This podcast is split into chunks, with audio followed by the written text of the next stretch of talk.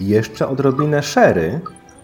Zapytała Dorothy Haury i spojrzała na siedzącego przy stole naprzeciwko niej i jej męża Douglasa, profesora Josepha Holmesa. Hmm, z przyjemnością. Odparł 52-letni Joseph Holmes. Właśnie skończył deser. Wytarł usta w serwetkę, którą odłożył na bok obok talerza. Wziął do ręki kieliszek z szery i upił mały łyk. Świetne. Skomplementował trunek i uśmiechnął się do Doroty i Douglasa. Rozgrzewająca moc szery niestety nie mogła wygrać z chłodnymi wieczorami w Denver. Joseph Holmes siedział w samej koszuli, gdyż swoją marynarką okrył plecy żony. Zorganizowana przez Dorothy Howry kolacja, na którą został zaproszony wraz z żoną z powodu opublikowanego artykułu w magazynie Life, dobiegała końca.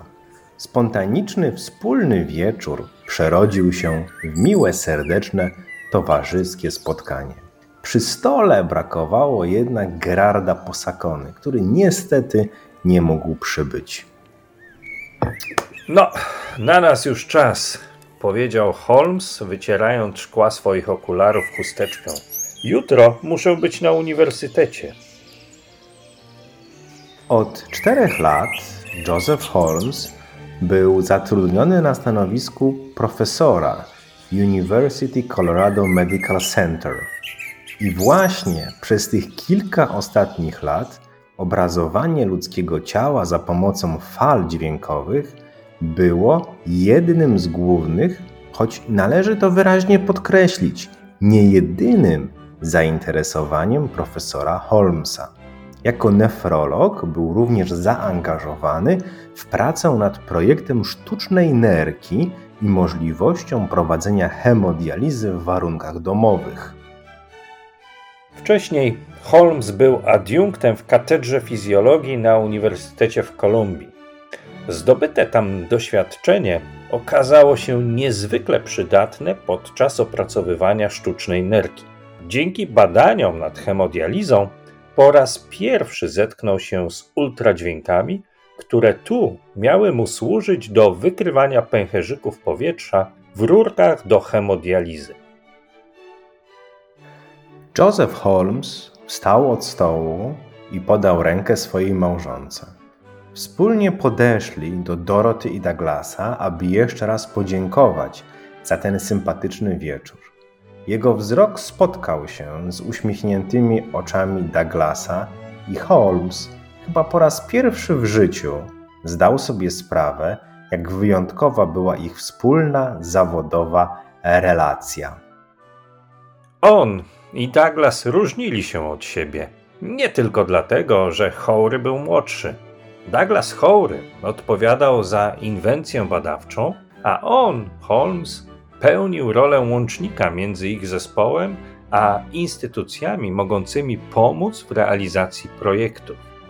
To dzięki staraniom Holmesa uzyskano grant, który pozwolił na finansowanie ich wspólnych badań nad ultradźwiękami. Ich współpraca pozwoliła na kontynuowanie badań nad nowymi rozwiązaniami, które miały jeszcze bardziej udoskonalić skanery ultrasonograficzne. Z tej współpracy zrodził się Pan Scanner, urządzenie, które było kolejnym krokiem do uniezależnienia badania ultrasonograficznego od konieczności pełnego zanurzenia pacjenta w wodzie.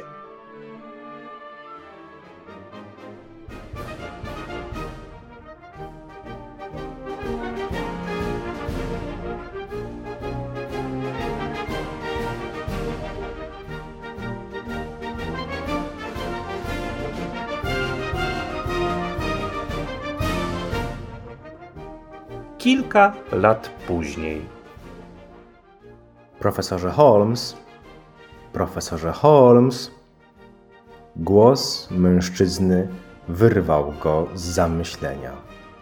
Odpłynął na chwilę w swoich wspomnieniach do tamtego wieczoru z 1954 roku. Chciałem panu i pańskim kolegom najserdeczniej pogratulować. Naprawdę jestem pod wielkim wrażeniem. Kontynuował mężczyzna trzymający pod pachą program kongresu American Medical Association 1958 symbolem miasta San Francisco. Chciałem uścisnąć pańską dłoń i pogratulować nagrody. Fantastyczna sprawa z tymi dźwiękami, a to, w jaki sposób na przestrzeni ostatnich lat udoskonaliliście panowie obraz, zasługuje na wielkie uznanie. Pomysł, aby przetwornik obracał się wokół pacjenta, którego dodatkowo można podczas badania przemieścić tak, aby mógł znajdować się wyżej lub niżej od przetwornika w zależności od potrzeb, genialny. Udało się panom uniknąć całkowitego zanurzania pacjenta w wodzie.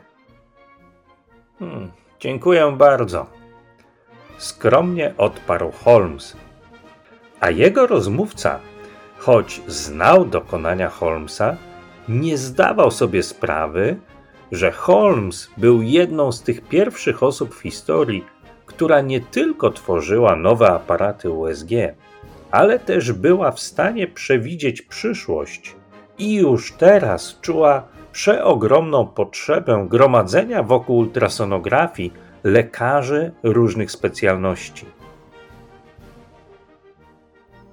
W roku 1967 Ian Donald w przemówieniu, które wygłosił podczas konferencji Światowej Federacji Ultradźwięków w Medycynie i Biologii, tak wspominał Holmesa.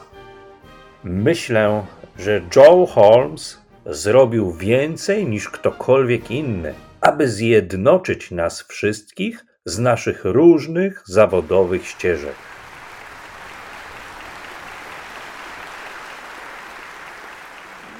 W roku 1982, po śmierci profesora Josepha Holmesa, Amerykański Instytut Ultrasonografii w Medycynie przemianował nagrodę Pioneer Award na Joseph H. Holmes Pioneer Award.